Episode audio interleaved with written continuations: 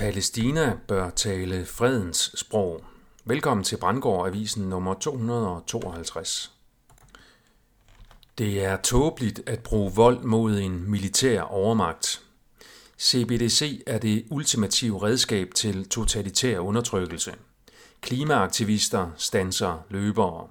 Mit navn er Per Brandgård, det er den 11. oktober 2023.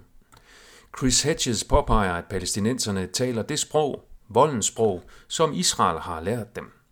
Vi ser nu, hvordan palæstinensernes vold mod Israel bliver brugt imod palæstinenserne, så de nu selv bliver udsat for endnu mere vold fra Israel, mens den vestlige verden opfatter Israel som udøver af retfærdigt selvforsvar.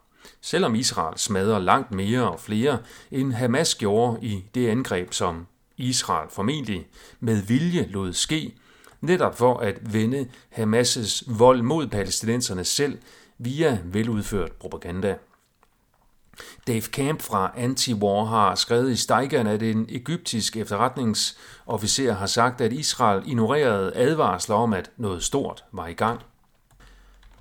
Spørgsmålet er derfor, om Hamas angrebet på Israel var en lejhop-operation, Let It Happen on Purpose, eller en MyHop-operation Make It Happen on Purpose.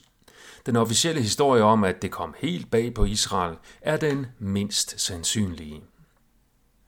Spørgsmålet er også, om Hamas overhovedet bør opfattes som palæstinensisk, eller snarere som en israelsk kontrolleret opposition. Grundlæggeren af Hamas' søn har afsløret, at han var agent for Israel. Den palæstinensiske terrororganisation er tilsyneladende dybt infiltreret og påvirket af Israel. Hvis vi ser på, hvem der har fået mest ud af Hamas' nye angreb på Israel, så er det helt klart Israel. Hamas-angrebet virker lige så tåbeligt strategisk set som islamisternes angreb på USA den 11. september 2001. Det er tåbeligt at udføre angreb, der giver fjenden en undskyldning for at smadre tilbage med endnu mere vold, end de under normale omstændigheder kan slippe afsted med. Spørgsmålet er derfor også, hvor mange israelske agenter, der var blandt Hamas-terroristerne, der angreb Israel. Det eneste sprog, Israel ikke kan finde ud af at tale, er fredens sprog, og det burde repræsentanter for Palæstina derfor blive mestre i, efter min mening. Vold avler bare mere vold i en uendelig spiral, indtil alt er ødelagt.